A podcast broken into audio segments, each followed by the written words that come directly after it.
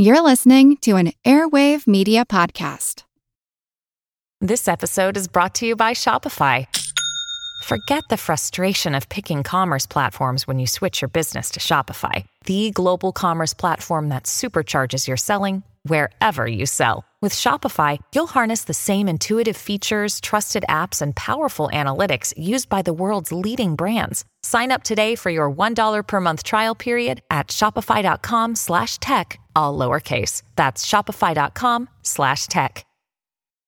Without the ones like you, who work tirelessly to keep things running, everything would suddenly stop.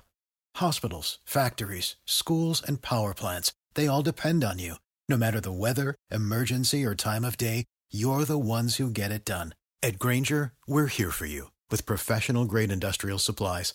Count on real time product availability and fast delivery. Call clickgrainger.com or just stop by. Grainger for the ones who get it done. This is Kick Ass Politics. I'm Ben Mathis.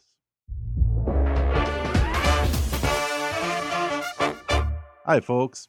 Before we start the show, I want to ask for your help.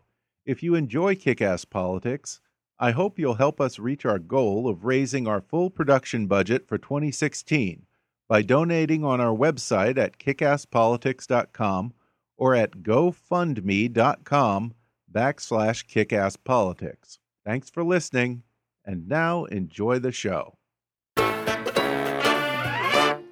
I'm Ben Mathis, and welcome to Kick Ass Politics. If you listen to my recent episodes with futurist Dr. Michio Kaku or Alec Ross, the author of Industries of the Future, you might have noticed that the subject of cyber war and cybersecurity is increasingly coming up as one of the biggest issues, opportunities, and concerns of the 21st century. And it brings with it a lot of big questions like should a cyber attack be considered an act of war? What if that cyber attack came not directly from a foreign government, but from a private citizen in that country?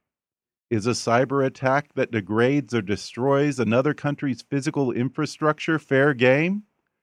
If a foreign power launches a cyber attack on a U.S. company such as the Sony hack in 2014, is that an attack on the United States as a country?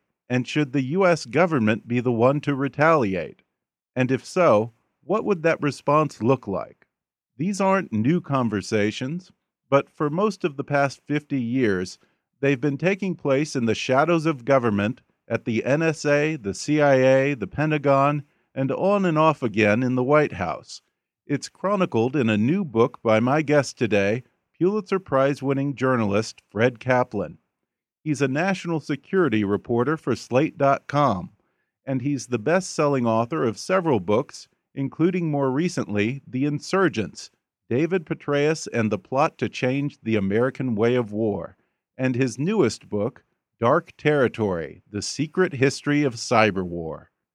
Today, we'll discuss why it took Washington decades to take cyber threats seriously, and how a computer pioneer and a Matthew Broderick film led President Ronald Reagan to sign the first presidential directive on cybersecurity. Fred Kaplan will reveal how the 2010 cyber attack that damaged Iranian nuclear facilities might have opened up a Pandora's box that we won't be able to close. We'll get an idea of just how much U.S. cyber teams are capable of. We'll weigh the cyber arms race between the U.S. and China. And we'll speculate on how the FBI managed to hack the iPhones of the San Bernardino shooters. All that and more coming up with national security reporter Fred Kaplan in just a moment.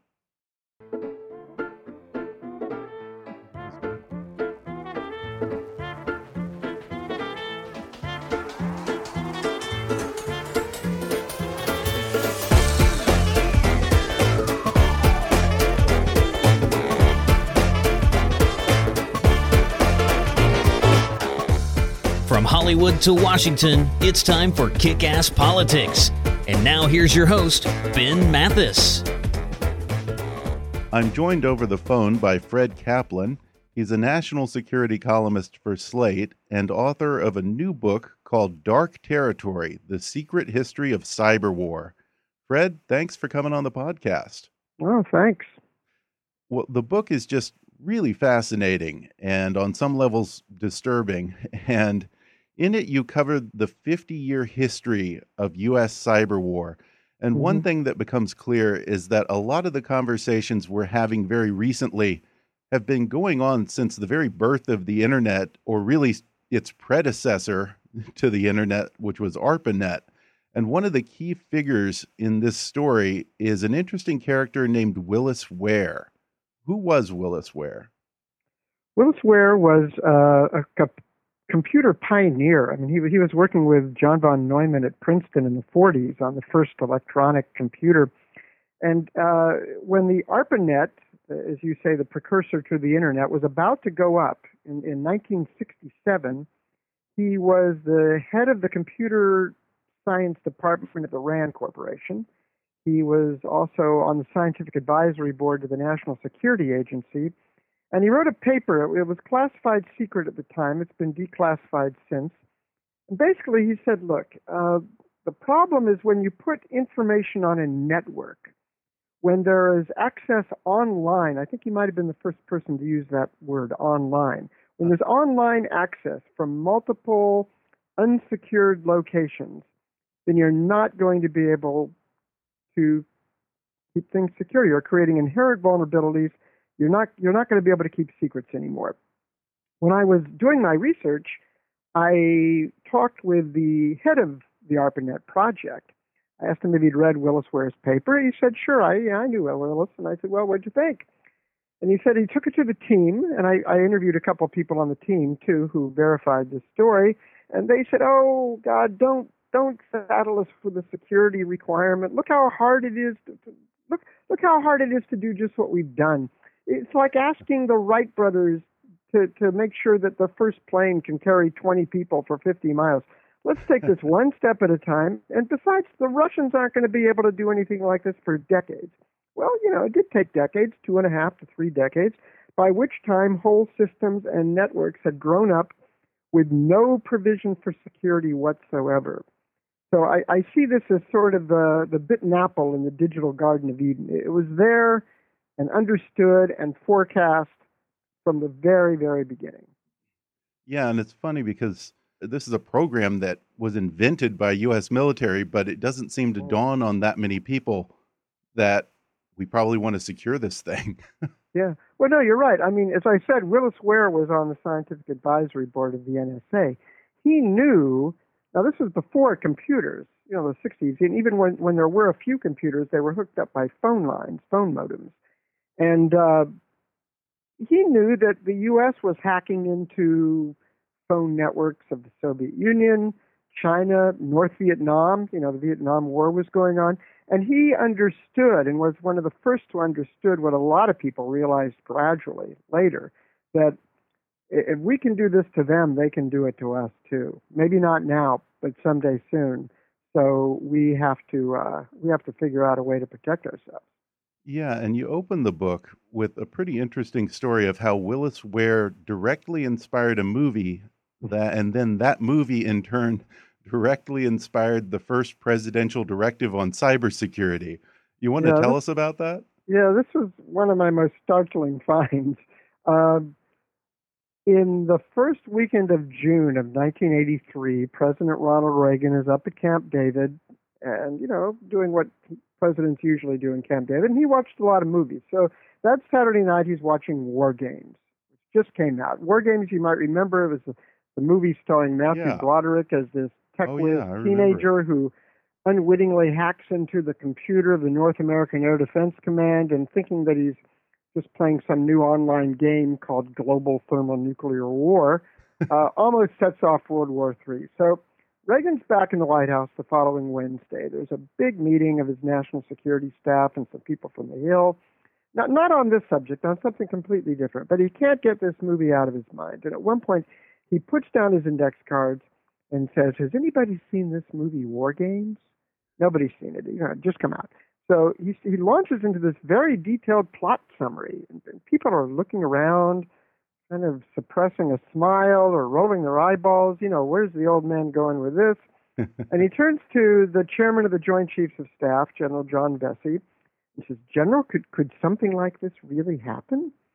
And the general says, I'll look into it, Mr. President. And he comes back a week later and he says, Mr. President, the problem is much worse than you think.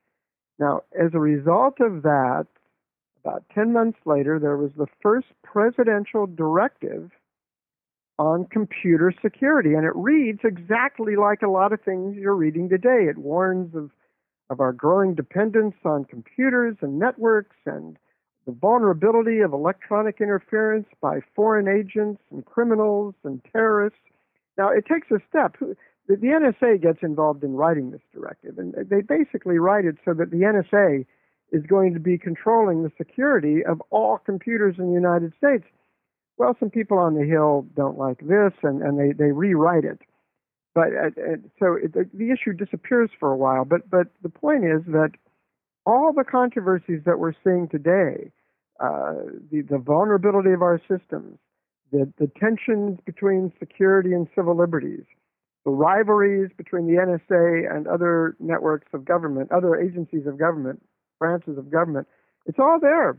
Back in 1983, propelled by Ronald Reagan watching a movie and asking a question that made everybody in the room roll their eyeballs. Now, you asked about Willis Ware's involvement in this.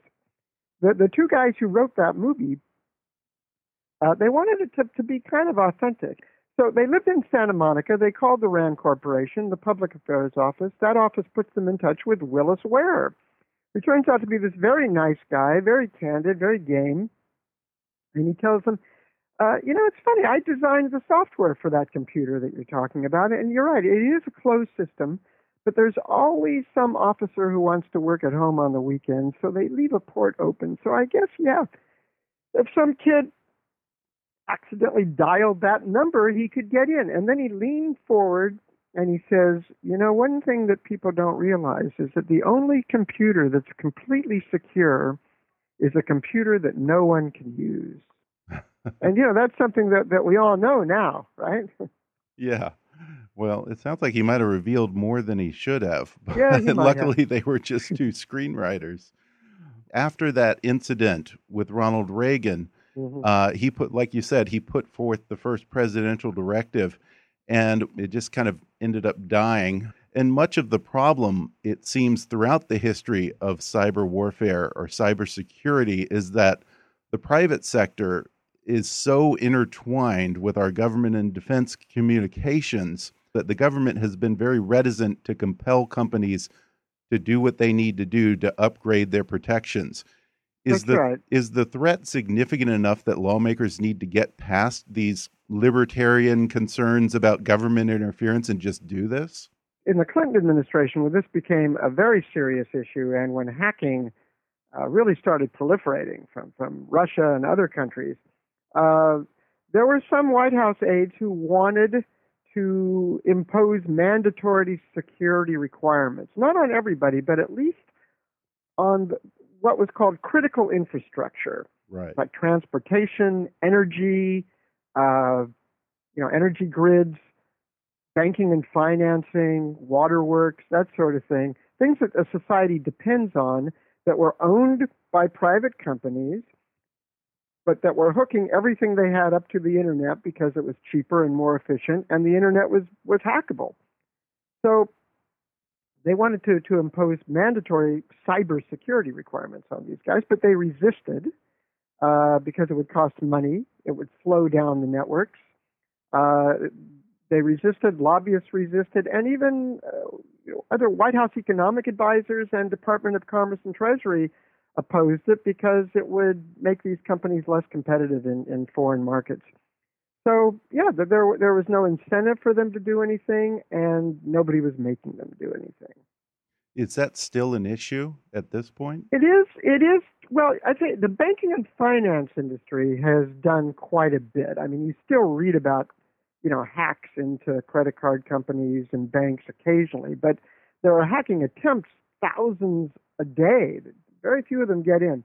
And and the reason why, I mean, think about it. What what do banks do? They want your money and they need your trust.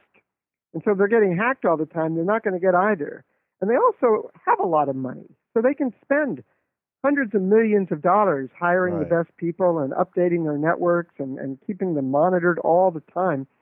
But say like an electrical power grid, this is like a I was going to say it's very much the same thing, the same issue that I've heard with securing the grid. It's Yeah, it's- private it's companies very that are the It's ones resisting company. it. Yeah, I'm sorry. It's a private company. Uh, it, it's a sideshow. Uh, again, nobody is making them do it. They, they get the sense that if they spent tens of millions of dollars making changes, may, maybe the bad guys would, would figure out a way around that within a, a month or a year, and they'd have to do it all over again. They've also calculated that the cost to them of repairing the damage after a major attack isn't that much more than the preventive measures, which hmm. might not really prevent. And no, again, nobody's making them do this, and so they they tend not to. They tend not to. Yeah, and throughout the book, it, it seems that we replay this Reagan scenario several times throughout the history of the internet. When every eight years we have some new president who says, "Hey guys, you know, should we be worried about this cyber stuff?" And Yeah, suddenly one the Joint I- Chiefs and everyone's like, "Oh crap!" so know, one thing I do, I, I, I, somebody compared it to, uh, you know, Groundhog Day, Yeah. where you know each administration comes up with a plan, a cybersecurity plan, a directive, a commission, a report, and they all read remarkably the same. In some cases, they're even written by the same people who are kind of hangovers from from the previous administration. Uh, that there are, you know, President Obama has actually he's instituted some things, signed some executive orders, some directives that go a little bit farther than his predecessors. But even his most recent executive order on the subject, which encourages uh, private industry to, to get with the game, there, there's one line in the middle of it which says nothing in this executive order should be interpreted as mandatory regulation. The, the industry is still horrified by the R word, yeah, regulation. So they're more horrified by that than by the prospect of having their circuits blown out. well, what was the turning point where we started taking this seriously, or have we yet to reach that point? No, it, a, a turning point. There have been a few turning points. Uh, the big one, though, the big pivot happened in 1997. Uh, there was a new director of the NSA, a three-star Air Force general named Ken Minihan, who isn't really covered at all in previous books about the NSA. But he had been the commander of something called the Air Force Information Warfare Center. And he was very aware of the vulnerability of networks, both on the offense and defensive side. He was very frustrated that his uh, fellow generals didn't take it seriously at all. So when he became director of the NSA, he created a war game called Eligible Receiver. And in this game, 25 elite hackers who worked for the NSA would hack into the Defense Department's networks. But it was kept very secret. Only the only people who knew that it was happening were the people doing the hacking and uh, the Secretary of Defense and some lawyers, including the Attorney General. It was very serious. They'd set aside two weeks for this game to play out, and within four days, these 25 guys using commercially available equipment had hacked into the entire Defense Department's network, except for the Army. Wow. The Army decided not to play the game because they weren't interested and they knew that they were vulnerable as hell. So they didn't play. But everybody else got thoroughly hacked into. I mean, in some cases, you know, the NSA guys just left, left a little marker like Kilroy was here. But in other cases, they, they, they shut down fax machines. They, they got into people's passwords, distorted emails, sent false messages, intercepted real messages. Nobody knew they were being hacking, but they knew that something was wrong and they couldn't trust what they were seeing on their systems. And uh, when it was revealed that this hack had taken place, I mean, they even hacked into the National Military Command Center, which is the pipe between the president and the Secretary of Defense for declaring war. Yeah, and that was really interesting to me how you had these red teams who were performing what they thought were just elaborate exercises to hack the Pentagon, and then only to get there and realize, hey, wait a minute, somebody else has been here already. Oh yeah, that, that was in this war game. When and this wasn't revealed in, in, in all but the most secret briefings about it. But while the NSA was inside the Defense Department's network roaming around, they found some French IPs roaming around too, real ones. So it had already begun even then. Yeah, and and there was one in there. I think uh, during the Clinton administration, when we were contemplating going back into Iraq, they had a hack, and I guess everyone was assuming, everyone thought for some reason that it was probably Saddam Hussein behind it, and didn't it turn out to be like two 16 year old kids yeah, in, in Sacramento or something? California, coached by an 18 year old in, in Israel, just kind of messing around. And you know that it, that was it was it was an operation called Solar Sunrise, and some some people after it was revealed that it was just a couple of kids said, "Oh, whew, it was just a couple of kids," but other people said, "Well, wait a minute, if a couple of kids can do this, what can a nation state do?" And then right after that came, they called it Moonlight Maze, which was the first known hack into serious military networks uh, by the Russians. And then a couple years later, the Chinese started doing it. And right. as I said, all along, we'd been doing similar things to them as well. Yeah. Well, speaking of us doing it to them, you reveal in the book U.S. cyber teams were some of the unsung heroes behind the surge in Iraq. Yeah. What did they do to help turn the tide? Well, you know, remember in the Iraq War around 2007 that there was, at least tactically, uh, a, a turnaround uh, casualties, American casualties started going way down. Uh, the insurgents took a real retreat, uh, and and people have attributed this to, you know, George Bush's surge or General David Petraeus's counterinsurgency strategy, and, and those played some role. But but it also involved, as I found out, uh, the involvement of the NSA. Around this time, uh, guys going out on patrol started capturing computers the insurgents' computers. They sent it back to Fort Meade, NSA headquarters. They would hack into that. They they found passwords, email networks, intelligence, and so they decided, well, let's set up a little NSA base inside Iraq, right there on the spot. And over a period of a few years, there were 6,000 NSA analysts who went to Iraq. 22 of them were killed by roadside bombs going out on on search expeditions for computers along with the troops. So they would do something like this. They would they would hack into the networks. And by the way, this operation had to be approved by the president. All cyber offensive operations have to be approved by the president. So they did this thing where they would send out a phony email to a lot of insurgents, basically saying, let's meet at such and such a place tomorrow at four o'clock. So the bad guys would come there at four o'clock, and waiting for them would be some special operations forces who would who would kill them. Also, wow. uh, you know, their drones, surveillance drones, would see people planting roadside bombs, which at the time were the biggest source of American fatalities. Uh, they would follow the guys, and then because the NSA was right there on the on the ground, they they could follow them on the spot and uh, kill them within like a minute. So in 2007, these kinds of techniques wound up killing 4,000 insurgents. And not only killed them, but also kind of messed with their heads. Uh, they would get an email message and they would wonder, is this our guys saying that we should meet at such and such a place tomorrow, or are these the Americans uh, trying to trick us again? So it led to turmoil and distrust within the insurgents' ranks. Yeah. So it, it, it played a major role in uh, in turning things around. Yeah, and that's throughout the book. That's a big part of this is the strategy of creating confusion among mm-hmm. the enemy. Before the term cyber war took place, uh, people called it counter command control warfare, mm-hmm. or the biggest one until cyber warfare, information warfare. You know, messing with the guy's information, uh, and you know, if you can't trust your information, then your your command goes to pieces. Well, you know, when we sent them these emails, did we pose as Nigerian princes or something? Did ah, we yeah. ask for their credit yeah, card yeah, number? That would have been good. Get, get some money out of them while we were doing it. Well, so they, they, they, you know, the NSA also has linguists.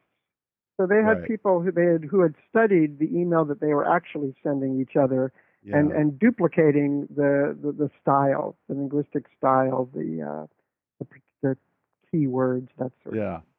Well, that's amazing stuff. Well, we're going to take a quick break, and then in the second half, I'll talk with Fred Kaplan about what those mad geniuses at the NSA might be up to now and recent events in cyber war straight out of today's headlines. Back in just a moment.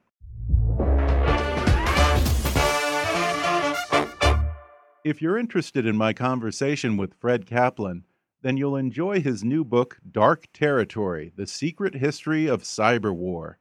And right now, you can download the audio version of that book for free with a special promotion just for our listeners from audible.com.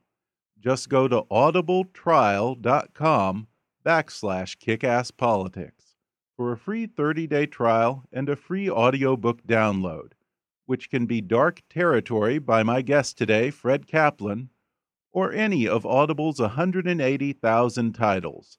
That's audibletrial.com backslash kickasspolitics. Or click on the sponsor link on our webpage to download the free audiobook of your choice. And now, back to the show. We're back, and I'm talking with Fred Kaplan, author of Dark Territory The Secret History of Cyber War. Um, Fred, we talk a lot about asymmetric warfare, and obviously, when it comes to tanks and bombs, America has the advantage over our enemies. But is cyber less asymmetric than other traditional warfare? No, it's probably more asymmetric because, on the one hand, uh, we can do this, you know, cyber offensive and even cyber defensive a lot better than other countries. So, for example, you know, to, to to do to invoke a metaphor, we have better and more agile rocks that we can throw at other houses. Mm-hmm. But we're living in a much glassier house. much more of our society, economy, military is plugged into computer networks. We are much more vulnerable.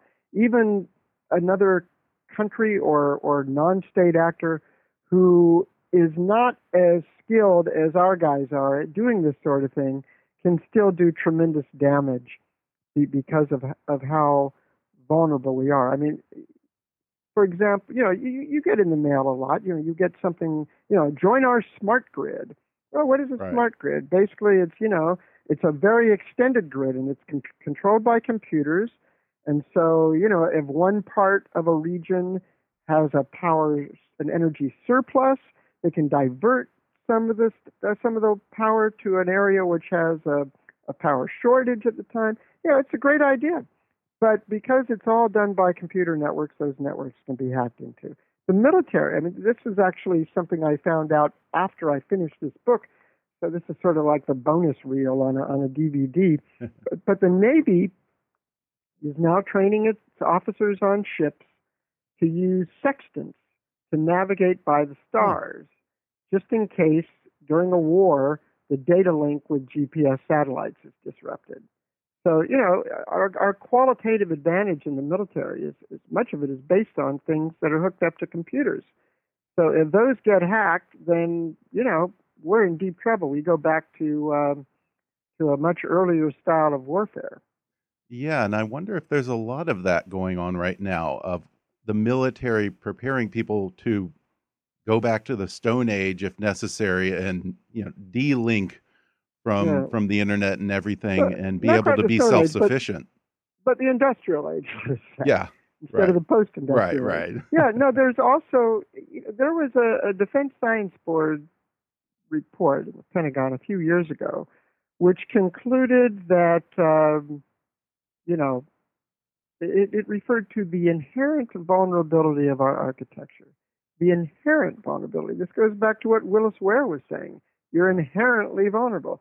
And they basically concluded that, you know, yeah, let's still keep trying to make better locks and things like that, but we have to accept that the bad guys are going to get in. And so they said what we really need to be concentrating on is detection and resilience.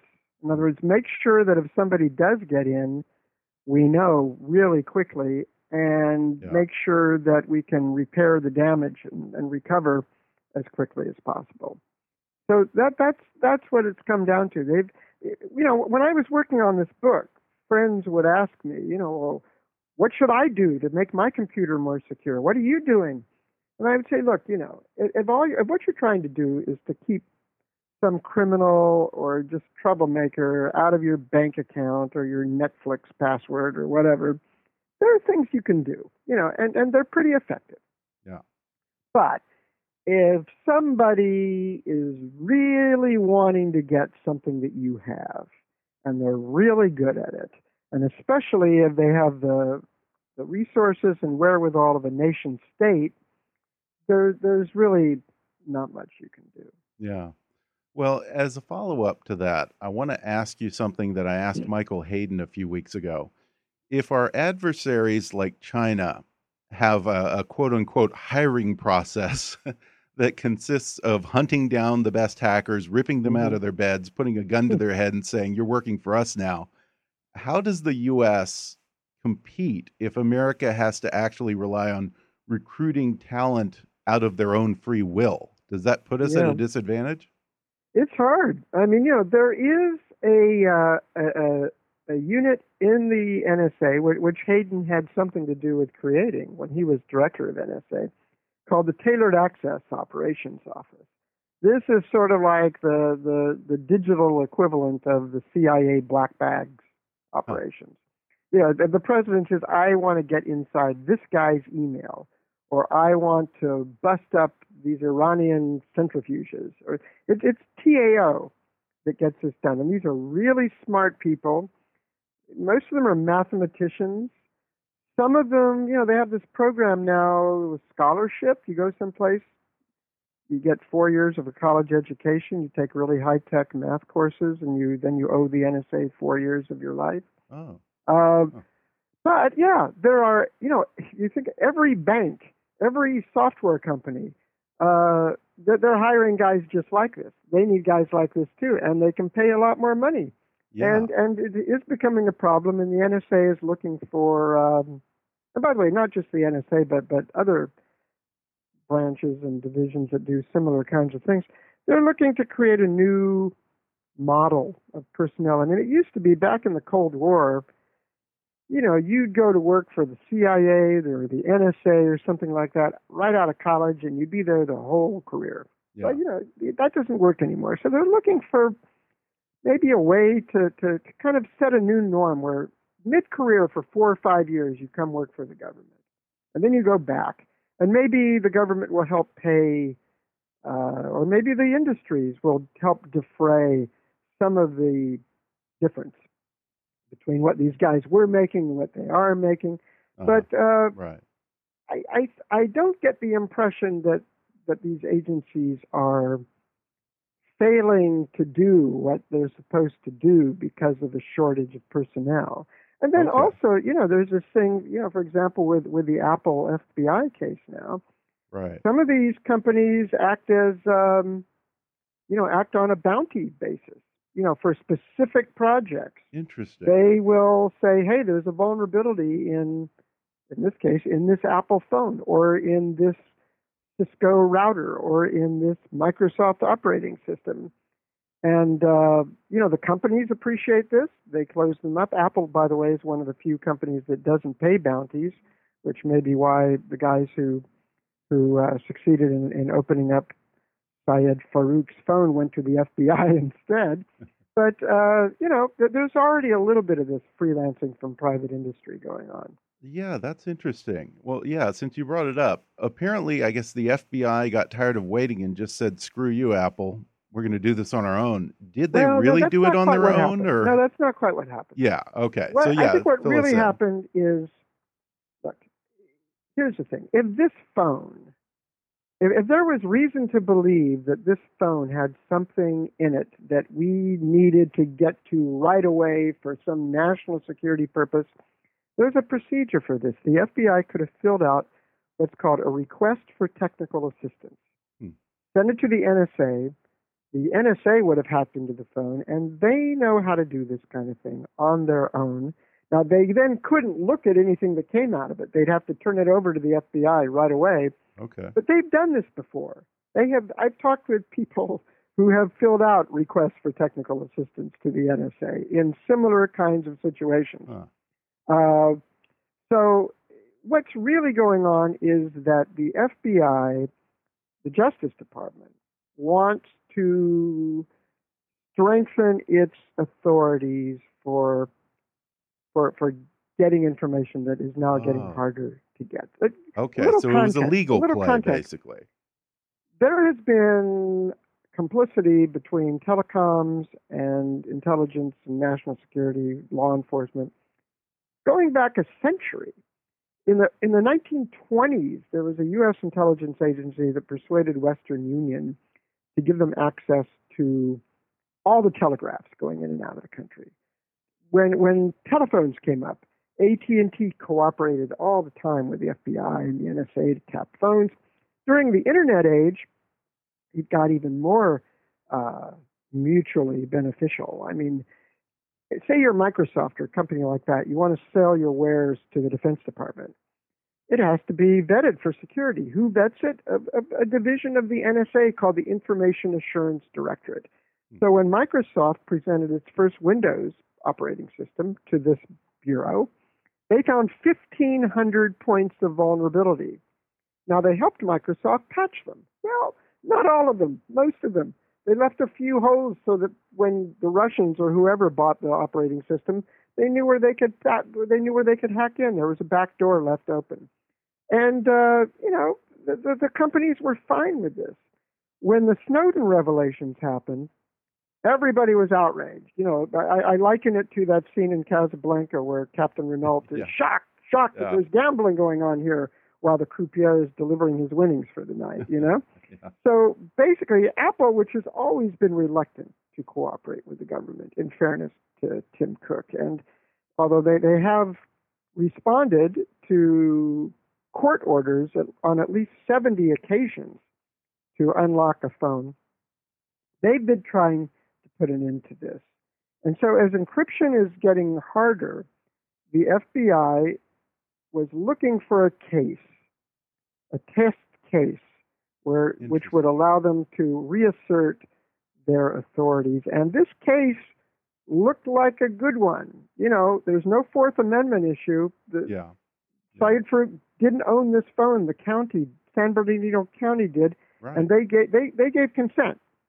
There's no privacy issue. The guy's dead, hmm. and it's not just some two-bit thug. It's a it's a mass murderer who's associated with a terrorist group. So no, the FBI wanted to go ahead with this trial, but the law that they were invoking, which is the 1789 All Writs Act, there's one exception to it. Is that the, uh, somebody they're trying to get to cooperate doesn't have to cooperate if there is any other way to get at this stuff. And when this Israeli company, you know, raises its hand and say, "Hey, we have a way of doing this where you don't need Apple's cooperation," then the FBI had to drop the case because they could no they could no longer apply the All Writs Act. Oh, so they wanted to Okay. pursue this as a lawsuit. right because they wanted to set a legal precedent. They wanted they the wanted a, a good test case to provide a new precedent uh, for them to demand that companies weaken their encryption in situations where they needed to get the information. Well, yeah, and we know about certain hacks like the Stuxnet virus Mhm. that screwed up the centrifuges in Iran. Right. Uh, there were the Russian cyber attacks on Estonia and Georgia, the cyber attack Mhm. that shut down the internet in North Korea for 10 hours. Those Yeah. are the ones we do know about. But do you think that there are a lot of hacks that we don't ever find out about? Oh yeah, I mean I'm sure of it. Um, I mean Stuxnet was discovered accidentally because the Israelis. It was a U.S.-Israeli joint operation, and the Israelis tried to expand it, and the and the bug got out. It started affecting other computer systems that were similar to those controlling the speed of the Iranian centrifuges. Now it was programmed in a way that it wouldn't damage those other servers, but security companies detected this this funny worm and they diagnosed it as they should. And then the Iranians caught on, oh, that's why our, our centrifuges are, are exploding. So, no, there are things like this going on all the time. There are, um,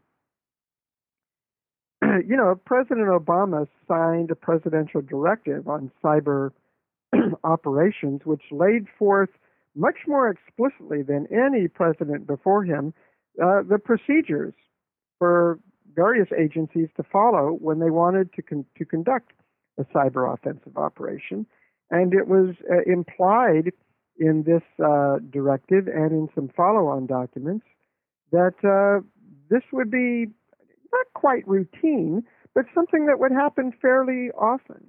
If you know, it's been announced. Uh, some Secretary of Defense Ashton Carter said that we are engaged in some cyber operations against ISIS.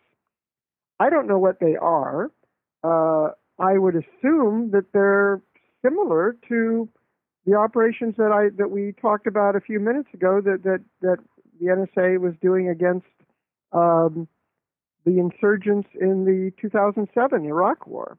If we're not doing stuff like that, you know, yeah. as a citizen, I'd want to know why. Why aren't right, we doing right. this kind of thing? I mean, are we uh, talking uh, about like? Of, are we talking about like hacking uh, their about, social media and uh, saying, yeah. you know, putting out a fatwa that says uh, everyone in ISIS should be gay now, or something? something? Something like a little more, a little more subtle than that. Oh, but, okay. Uh, but yeah, it's it's you know one thing about President Obama and his whole philosophy toward the use of force he's very leery of doing things that might put tens of thousands of American soldiers on the ground. Mm-hmm.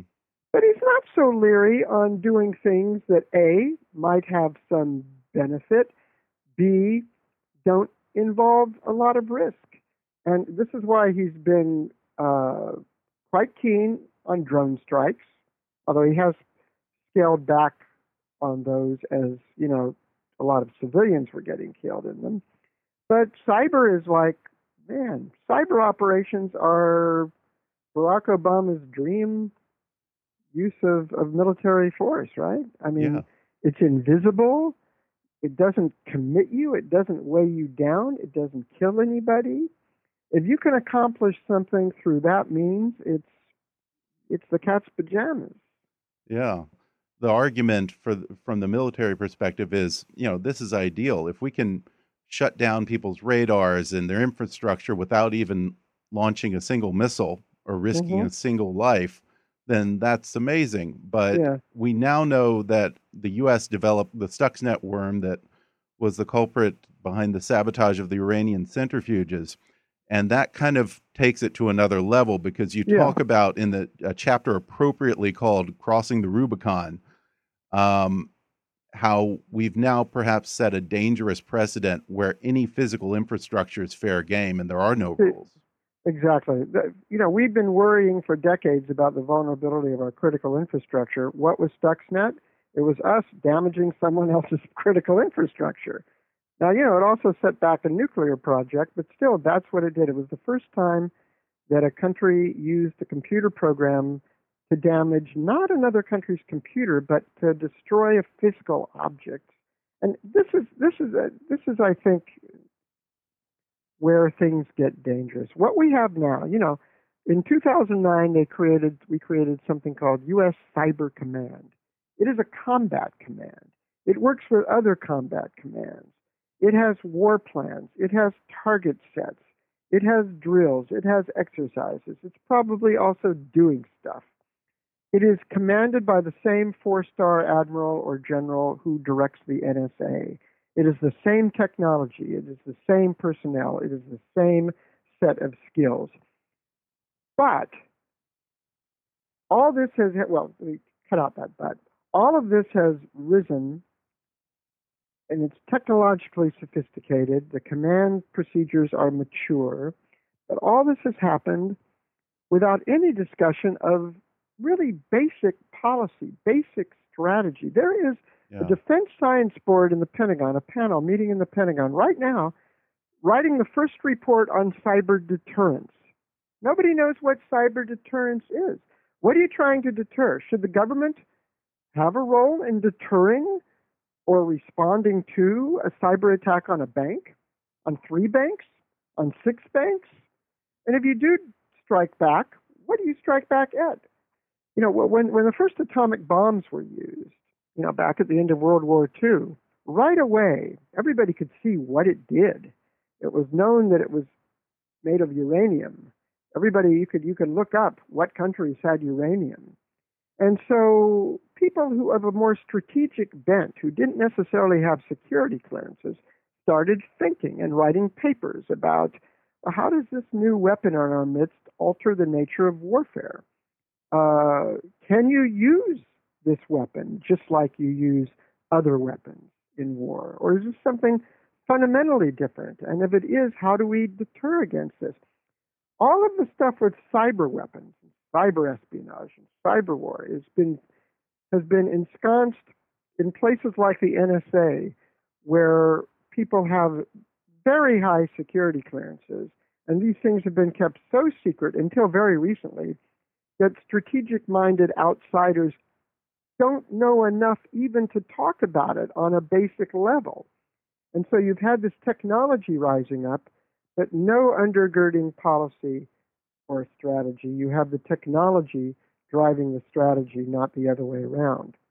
So that that's that's the real danger is that we could get into a real war Right. that might start out not even looking like a war, and nobody has really thought about how to prevent this or how to execute it to the next step. Right. And it does seem that throughout a lot of this history that we've kind of been purposely avoiding the question because we didn't really want to deal with it. We wanted to be have a free hand to do what we wanted or needed to do. Do we want to have some kind of a Geneva Convention on cyber, or is that something that we still want to avoid?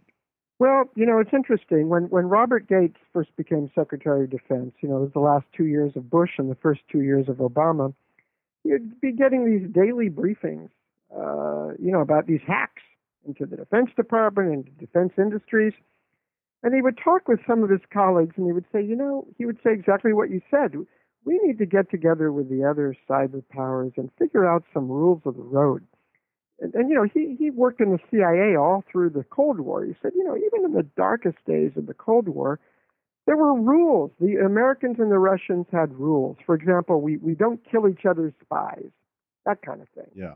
We need to set up some rules of the road, you know, like what kinds of targets we will not go after with cyber stuff. And then he said, and this is where the title of my book comes from, he said, we need to set some rules because we are wandering in dark territory here. Now, when I went back through my notes and saw that, I knew that was going to be the title of my book.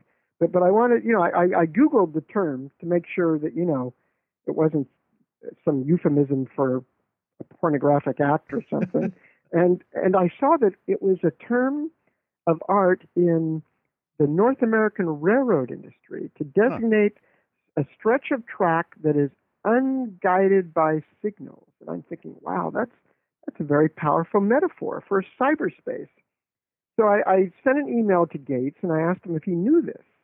And he said, Oh, sure. My grandfather was a station master with the Santa Fe Railroad in Pratt, Kansas for 50 years. We used railroad terminology around the house all the time. But that is the situation where we're Yeah. in. Uh, dark territory. We don't, you know, the engineers are invisible. The attacks can be instantaneous. Uh, and if there is a major attack or a clash of, of two trains, so to speak, Yeah. it, it, it's it's going to cause a lot more damage than, than two real trains that might smack into each other in, in the dead of night. Before we go, former Secretary of State Hillary Clinton's private servers, would you assume that those servers have probably been hacked by someone at some point? Well, we know they tried. I mean, they, they've even looked at logs that you know they they have detected some some phishing expeditions. You know, you get these all the time. Somebody sends you an email and there's Right. an attachment. If if you if you click on the attachment, you download malware. Uh, she never did click on the attachment, but it's it's been traced back. Some of these came from Russian servers. Yeah. Uh, Wow.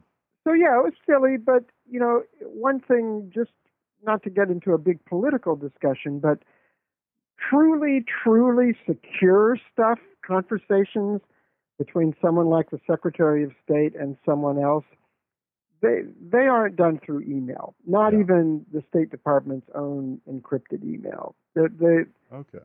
this is why the the the uh, investigators are going to have a hard time finding anything uh, really damaging on them. Okay. Well, that's somewhat reassuring then. well, once again, the book is called Dark Territory The Secret History of Cyber War by Fred Kaplan. Fred, thanks for talking with me. Oh, thank you. It was a pleasure.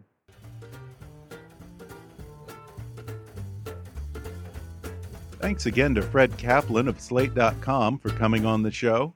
And if you enjoyed today's episode, I'd encourage you to read his new book, Dark Territory The Secret History of Cyber War. I'll include an Amazon link where you can order it in the show notes for this episode and on our website at kickasspolitics.com. Or if you'd prefer to listen to the audio version of his book, you can download that for free through that special trial offer just for our listeners at audibletrial.com backslash kickasspolitics. You can follow Fred Kaplan on Twitter at fmkaplan, that's F-M-K-A-P-L-A-N. Or you can read his column at slate.com or at fredkaplan.info. Be sure to subscribe to Kickass Politics on iTunes and leave us a review while you're there.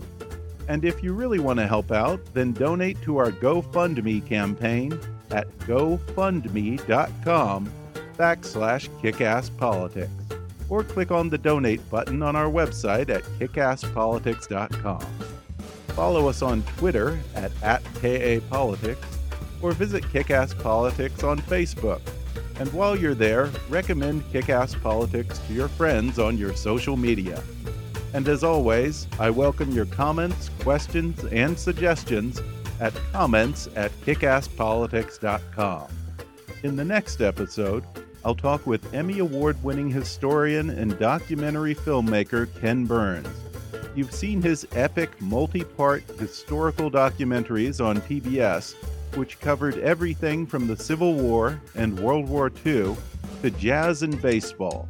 More recently, you might have seen his PBS special, The Roosevelts An Intimate History. Well, he has a new two part documentary for PBS on baseball legend Jackie Robinson. And on the next episode, he'll talk about the contributions Jackie Robinson made to baseball and civil rights.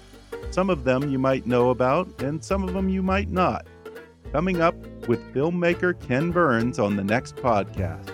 But for now, I'm Ben Mathis, and thanks for listening to Kick Ass Politics.